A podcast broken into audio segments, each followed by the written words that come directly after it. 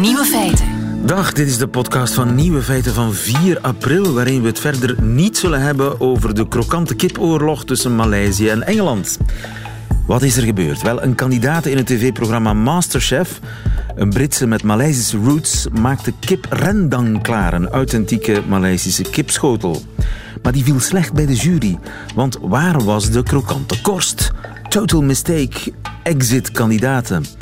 Heel Maleisië en half Azië op zijn achterste poten. Totale onzin, want kip rendang heeft helemaal geen korst, zo reageerde de premier in een officieel communiqué. Premier van Maleisië. Je reinste kolonialisme viel zijn buitenlandminister hem bij. Nu gaan de Britten ons nog uitleggen hoe wij onze traditionele gerechten moeten klaarmaken. Of hoe een talentenjacht op televisie een heuse staatszaak kan worden. Dit zijn dan wel de nieuwe feiten vandaag. Het nieuwe Beierse Dashondmuseum is voor driekwart gevuld met de collectie van een Belgische punkrocker.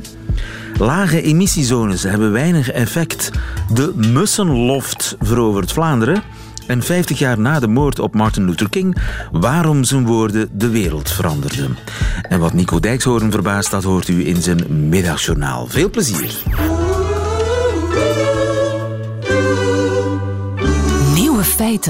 De Antwerpse binnenstad die is sinds vorig jaar een lage emissiezone. Dat wil zeggen dat u er met een oude diesel niet meer in mag. Alleen recente diesels mogen nog de stad in. Later volgen nog Gent, Hasselt en Mechelen. Maar heeft dat wel zin? Ik begin eraan te twijfelen samen met Niels Hofman. Goedemiddag, Niels. Goedemiddag. Niels, je bent onderzoeker van de VUB en je hebt de eerste onderzoeksresultaten vergeleken, want de eerste resultaten die zijn binnen na de invoering van lage emissiezones in diverse steden in Europa. Hoe zit het bijvoorbeeld met het fijnstof? Um, dus ja, we zien inderdaad dat er een beperkte um, daling is van uh, het fijnstof in steden. Um, maar dit is um, moeilijk te wijten aan, um, aan transport. Dus we zien um, dat. wacht, ik ben even de kluts kwijt. Ben een beetje, nee, nee, maar wacht eens even. Dus uh, de, er is een kleine daling, uh, ik geloof 15 procent. Ja, inderdaad. Zoiets dus van er is, er is fijnstof in die steden, maar dat is niet te wijten aan de invoering van die lage emissiezone. Wel, er is een, een, een aandeel um, van dieselwagens die nog rondrijden um, zonder een roetfilter, maar dit aandeel is uh, jaar na jaar aan het afnemen, gezien deze voertuigen um, oud worden en uit het verkeer gaan. maar dus die lage emissiezones die gaan wel degelijk een effect hebben op fijnstof. Maar um, fijnstof is veel complexer, dus er zijn um, veel bronnen die bijdragen aan, aan de uitstoot ervan. Denk maar aan de verwarming van huishoudens of um, industrie. Industrie. Inderdaad, ik wou ah, ja, zeggen. want ja, je hebt een, vaak eh, havengebieden en industriezones die niet ver van die stad liggen. Ja, fijnstof, uh, dat, dat waait, hè? Dat waait, dat waait heen en weer.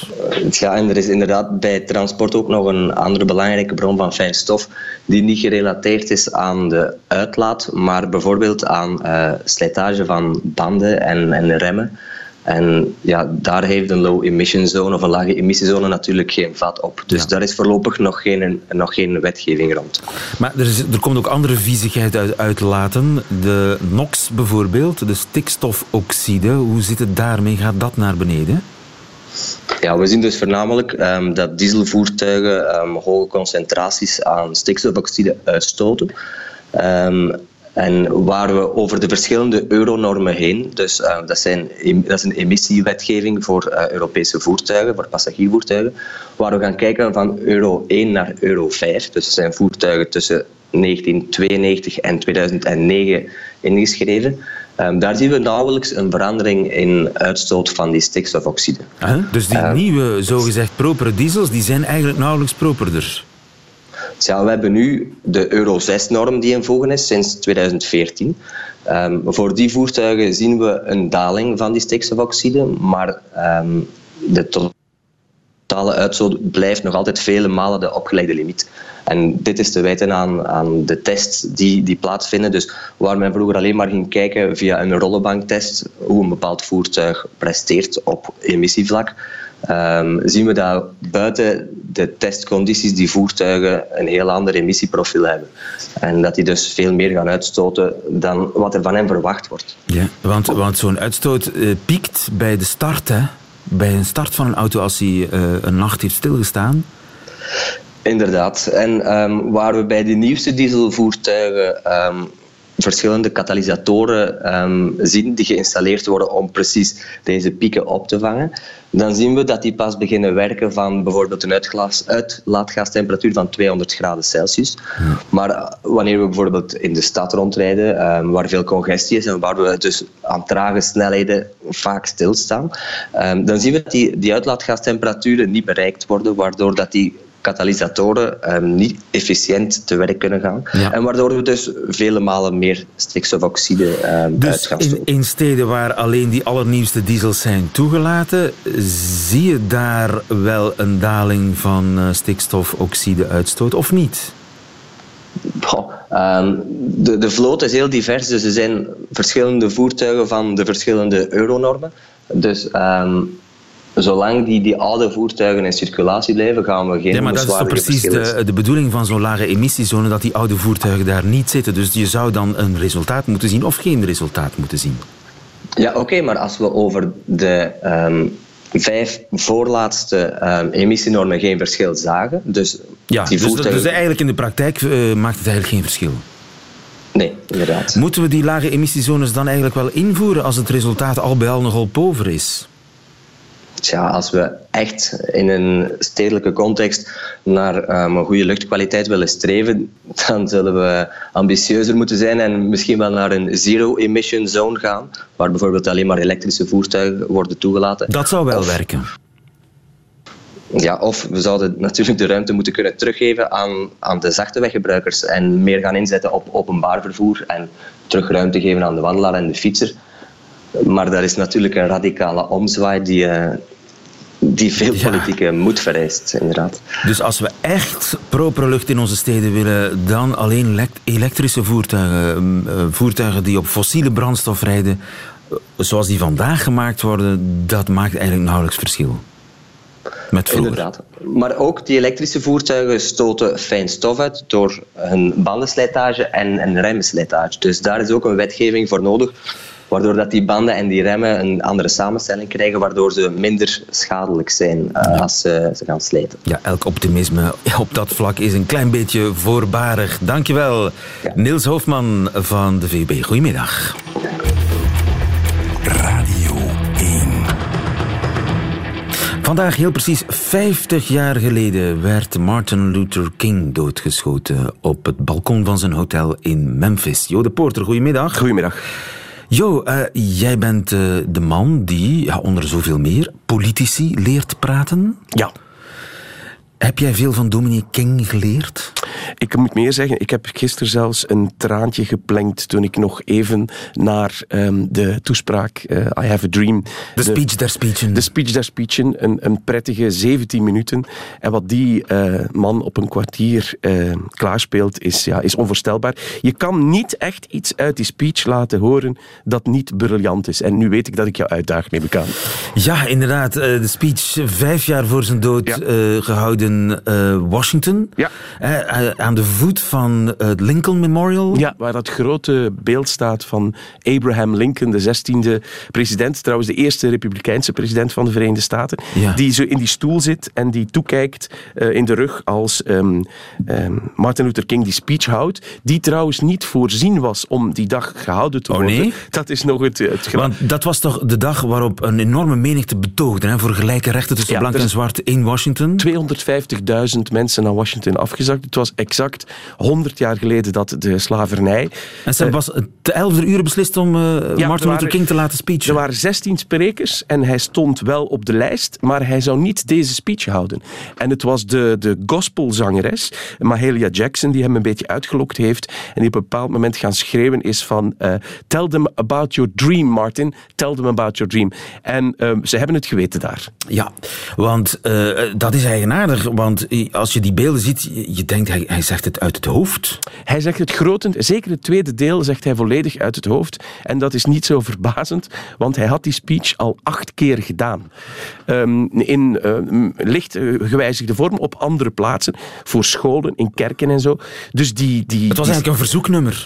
die, dat was echt een verzoeknummer. Van toe, Martin, vertel nog eens even van. En die speech die zat, die is deels door, want er zijn nog twee andere mensen die de speech met hem samengeschreven hebben.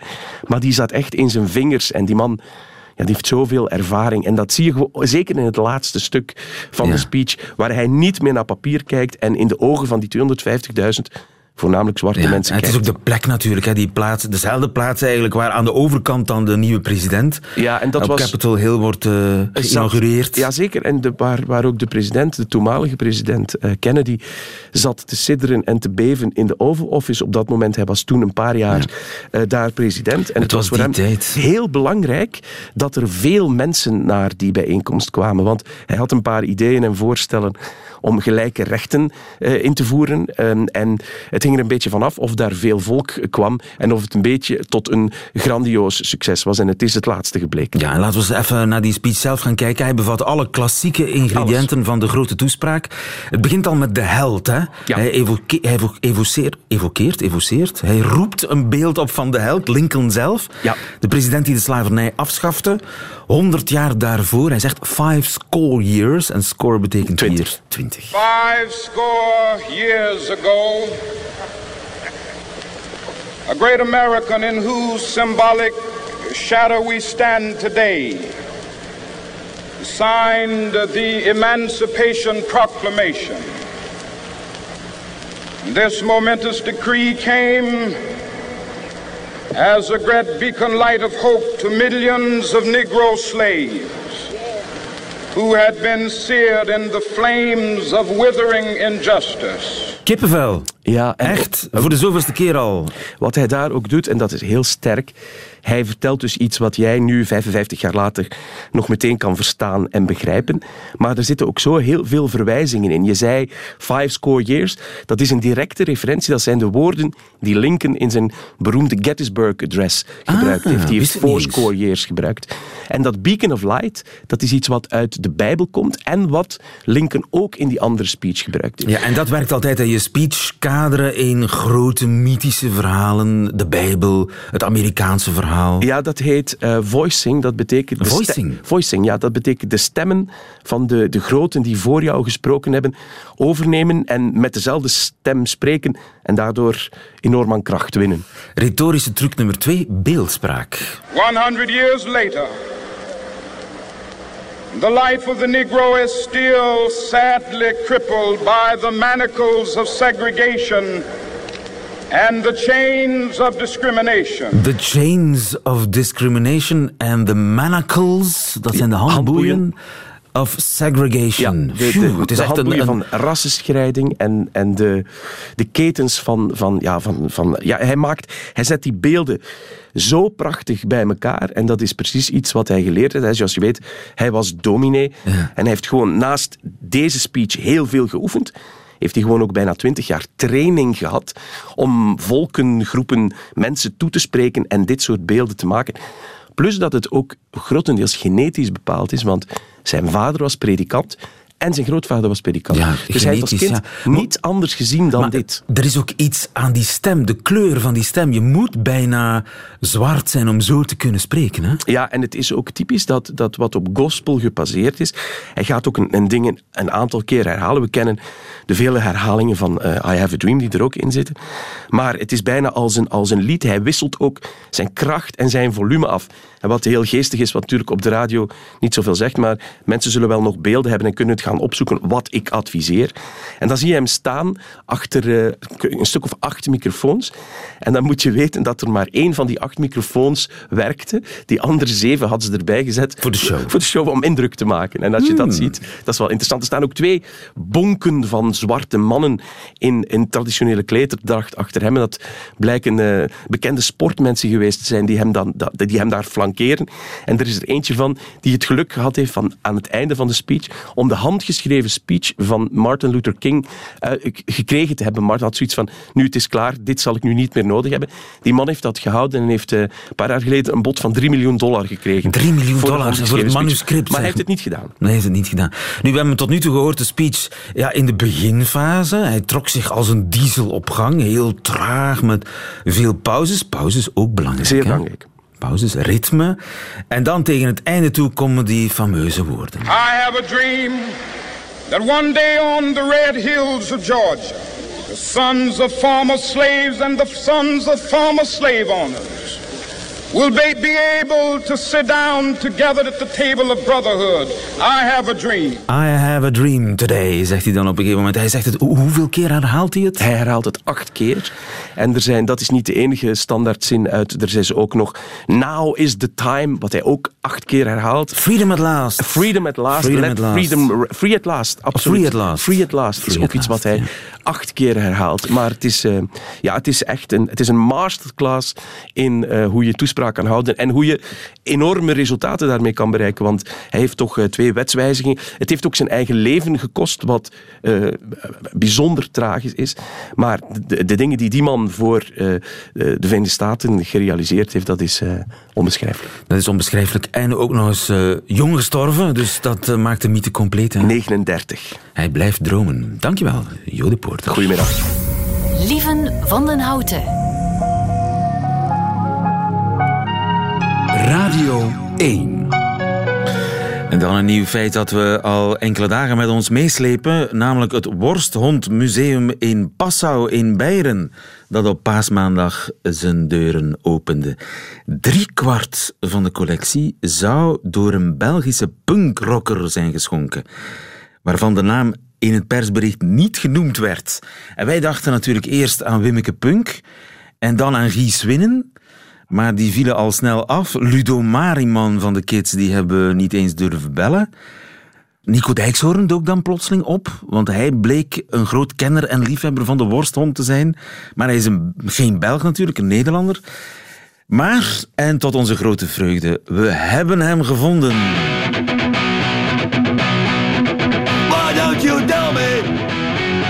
What's really going on? Cause all I can see looks so bloody wrong.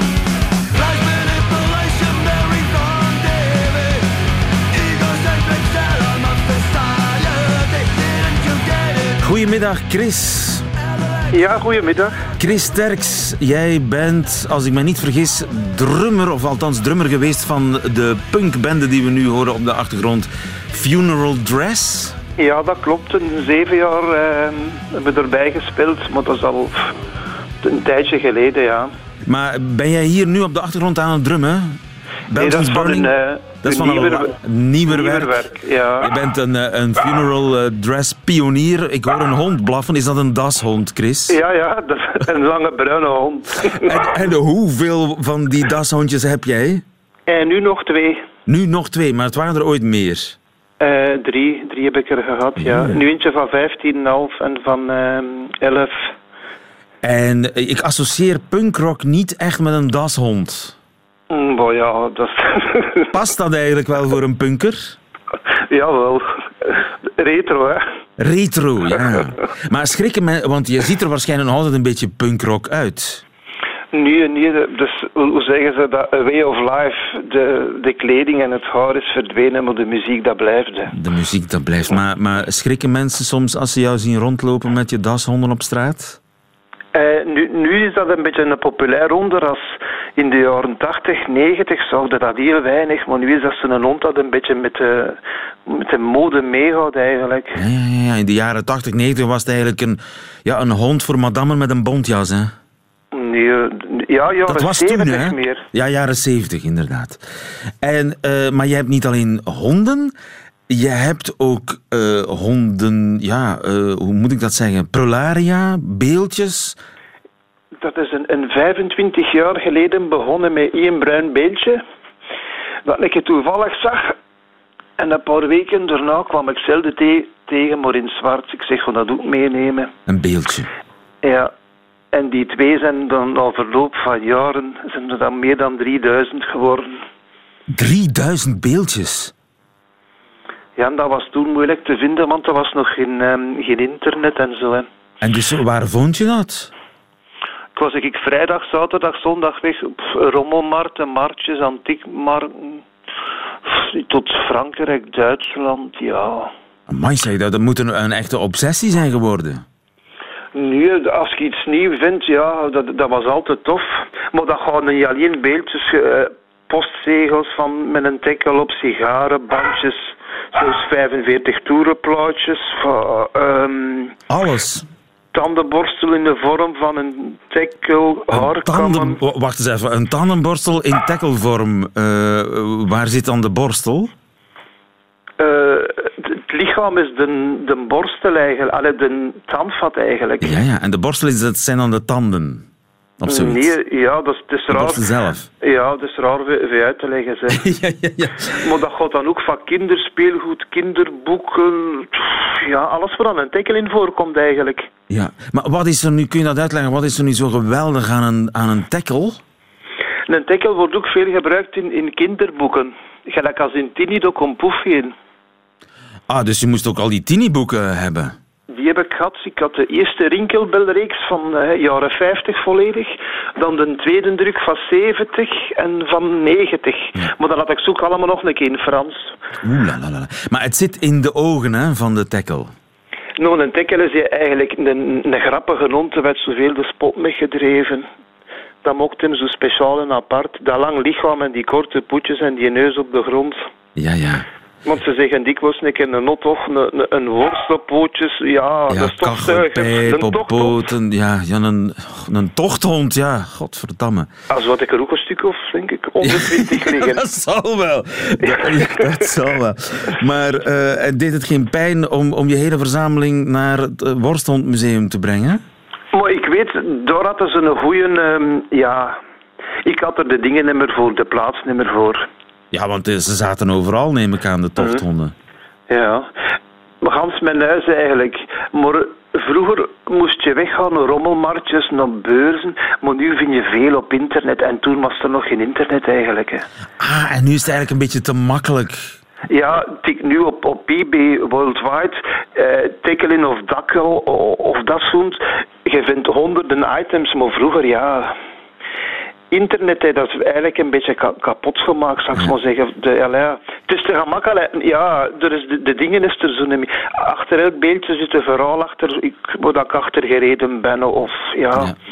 En nu zit alles eh, veilig en wel en voor de eeuwigheid bewaard in het eh Dashondmuseum in Passau eh, in Beieren. Ben je jouw kindjes alles gaan bezoeken? Ja, we hebben het dan lekker weggebracht, want dat is voor ons toch een klein acht uur rijden, maar we gaan toch nog zeker een keer langs gaan. Ik wens je daar heel veel plezier bij. Eh dankjewel, Chris Sterks. Groetjes. De vroegere drummer van Ja. Funeral Dress en dashondliefhebber. Ja. Ik ga, als ik in de buurt ben, zeker eens binnenspringen in dat museum. Ja, dat is goed. Goedemiddag. Ja, groetjes hè. Dag.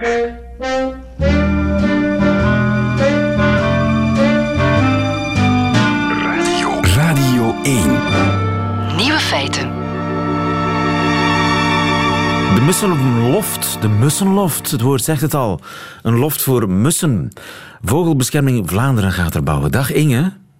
Hallo, goedemiddag. Inge Buntings van eh, Vogelbescherming Vlaanderen. Het schijnt eh, dat jij die mussenloft bedacht hebt. Klopt dat? Eh, ja, dat klopt. Toch samen met mijn collega's, ja. En is een klassiek nestkastje niet goed genoeg voor de mus? Eh, we merkten inderdaad wel dat er eh, heel veel nestkasten eh, opgehangen worden en verkocht worden die voor huismussen zouden moeten dienen, maar dat ehm er eigenlijk heel veel verschil op zit. Eh, welke werkt en welke niet werkt. Soms ook wel een beetje verbonden aan de plaats waar dat ze hangen.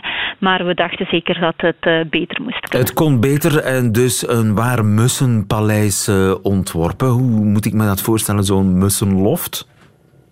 Ehm, eigenlijk het speciale is dat de mussen ehm, enerzijds eigenlijk een, een hebben, waar dat ze heel comfortabel op kunnen landen, ehm, waar dat de mannetjes op kunnen zitten, zodat ze kunnen chilpen. Eigenlijk heel kort bij de, de nestplaats. Om Ze hebben een balkon nodig. Dat is Ze hebben belangrijk. een balkon, ja. Um, daar zitten ze ook uh, veilig. Ze hebben uitzicht over de omgeving. Dus zo kunnen ze eigenlijk ook uh, eventueel checken of, of de buurt wel veilig is om echt uit te vliegen.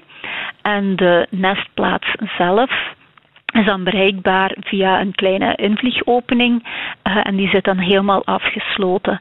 Um, heel handig bereikbaar voor die huismus zelf, maar niet bereikbaar voor andere eventuele roofdieren. Ja, ja, ja. Dus het, het gaatje moet extra small zijn, als het ware.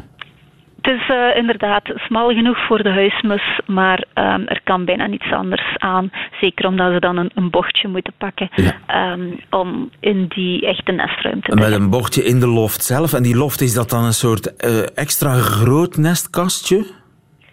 Um, de nestkast van grootte is een beetje te vergelijken met uh, de grootte van uh, een nestkast voor gierzwaluwen. Veel mensen kennen die wel. Hij is uh, ongeveer een 30 centimeter breed in totaal, waarvan dat ongeveer een derde de ruimte is van het platform en, en twee derde de binnenruimte vormt voor het effectieve nest. En waar, waar komen die mussenlofts? Um, we hangen ze eigenlijk best uh, zo hoog mogelijk uh, onder een dakgoot of zo, dat ze toch een beetje in de schaduw hangen. Uh, je mag eigenlijk nooit nestkasten echt in de volle zon hangen. dan worden ze te heet en dan gaan soms de jongen dood. Van maar jullie hebben die, die mussenloften zelf ontworpen, hebben jullie ze ook zelf gebouwd? Nee, nee, we hebben met een partner uh, samengewerkt, um, ehm, CJ Wildlife, die uh, echt in staat voor de productie. Oh ja, en dus ik kan ze kopen? Ja. Je kan ze bij ons kopen. Ja, we doen, uh, omdat het ook, de kast wordt op dit moment echt nog letterlijk gegoten. Dus er is nu een, een, voorverkoopactie. Als je er nu bij ons twee bestelt, krijg je er ja, een tot, tot zover de, de reclame. maar, maar gaat het dan zo slecht met mus? Ja, huismussen doen het niet goed. Um, als we gaan kijken naar, naar de jaren tachtig um, en vergelijken met nu, dan, dan is er eigenlijk een achteruitgang van oh, 30 tot 50 procent. Een beetje afhankelijk van de regio waar je zit. En we merken dat vooral de steden en de heel dicht bebouwde streken, um, dat daar de huismus het echt heel slecht doet. En hoe komt dat? Zeker, ja, um, een, van, een van de redenen is het verdwijnen van die broedplaatsen. Dat is daarom dat wij nu ook die, die musseloft ook De broedplaatsen verdwijnen, maar wij hebben die broedplaatsen toch niet weggedaan? Tenminste, niemand die ik ken heeft doelbewust broedplaatsen nee. weggedaan. Wat is er gebeurd? Inderdaad, niet doelbewust, maar um, heel veel huismussen die broeden het liefst onder dakpannen in of achter uh, oude dakgoten. En uh, zeker in nieuwbouw zijn al die kieren en gaten niet meer te vinden. En door eigenlijk um, renovatiewerken, nieuwe daken leggen, um, het isoleren van de daken, hebben we eigenlijk al die oude uh, gaatjes waar dat huismussen of andere dieren onder en tussen konden kruipen, hebben we heel mooi afgedekt. Um, dat is uiteraard goed voor de isolatie, maar met deze uh, Musseloft, die je trouwens ook kan, kan inbouwen, zodat hij echt in het gebouw verstopt zit, kan je toch uh, zo natuurgetrouw mogelijk uh, terug die holtes gaan voorzien. Oh, dat zou het ideaal zijn natuurlijk, dat als je een, een huis bouwt, nieuwbouw, dat je daar een speciale ja, kamertje voor de mussen in ja, voorziet. inderdaad ja, ja, voor huismussen kan je dat nu doen. Voor bijvoorbeeld vleermuizen kon je dat al doen, maar nu kan je dat voor huismussen ook. En dus dan past die, die loft daarin? Dat is eigenlijk het plan, dat is eigenlijk het idee. Ja, je steekt die gewoon mee eigenlijk achter de bakstenen, zodat je uh, aan de buitenkant alleen maar die ene opening ziet naar het terras waar dat de huismus kan opzetten en al de rest zit mooi verstopt achter de baksteen. Het is eigenlijk een soort baksteen. Voor je huis. Um, die, je, die je dan ja. uh, voorziet met een extra ruimte voor een mus. Geniaal idee. Ja. Dankjewel Inge Buntings. Goedemiddag. Goedemiddag. Nieuwe feiten. Middagjournaal. Beste luisteraars. Een kunstwerk heeft ooit mijn leven veranderd en ik zag het in uw land. In Antwerpen om precies te zijn. Ik liep met Tanja tien jaar geleden ongeveer door het Museum van Hedendaagse Kunst en ik was op geen enkele manier voorbereid op wat ik daar zou gaan zien. Ik liep de eerste zaal binnen en daarna was mijn leven nooit meer hetzelfde. In de ruimte hingen ongeveer 200 condooms. met een draad aan het plafond. In die condooms zaten uien. En die uien die wilden groeien en sommige uien was het ook inderdaad gelukt om dwars door het condoom heen te groeien. Ik heb er heel lang naar staan kijken. Ik keek hier naar ongekende levenskracht. Geen kant meer op kunnen en dan toch beven en bewegen en drukken en duwen tegen dat wat je tegenhoudt. Ik stond daar eigenlijk, begrijp ik nu, naar mijn eigen leven te kijken. De kunstenaar was Jan Fabre. Ik schaamde mij dat ik hem nog niet kende. Maar wat een feest was het om zijn werk voor het eerst te zien. Iedere zaal was een klets op mijn wang. Vijftien oude koffergrammofoons midden in een zaal met een supposter bij, die braaf de hele dag de naald weer vooraan de plaat zette. Een cacophonie. Alsof ik op de markt stond. Naast de kraam met onderbroeken, vijf voor een tientje, graaien maar mensen. En zo ging dat maar door. In iedere zaal viel ik bijna om van verbazing. Dat heb ik daarna heel lang niet meer gehad met kunst. Tot ik deze zomer in Aarhus, Denemarken, een museumzaal binnenliep. Er zat een jongetje, gehurkt met een korte broek aan. Zijn lichaam was verder naakt. Het jongetje keek heel angstig, zijn hoofd tegen het plafond. Het jongetje was vijf meter hoog. Ik ben bij de ingang gaan staan en ik ben gaan kijken hoe andere mensen reageerden als ze de zaal binnenkwamen. Volwassen mensen schrokken of ze waren juist verrukt. Kleine kinderen, die leken het beeld niet eens op te merken en holden het voorbij. Ik begreep daar, naarmate we ouder worden, zijn we juist steeds verbaasder om wat er allemaal om ons heen gebeurt. Kinderen juist niet. Kinderen die zien een ui in een stuk rubber. Ik zag de kracht van de voortplanting. Ik zag daar dat leven zich door niets laat tegenhouden.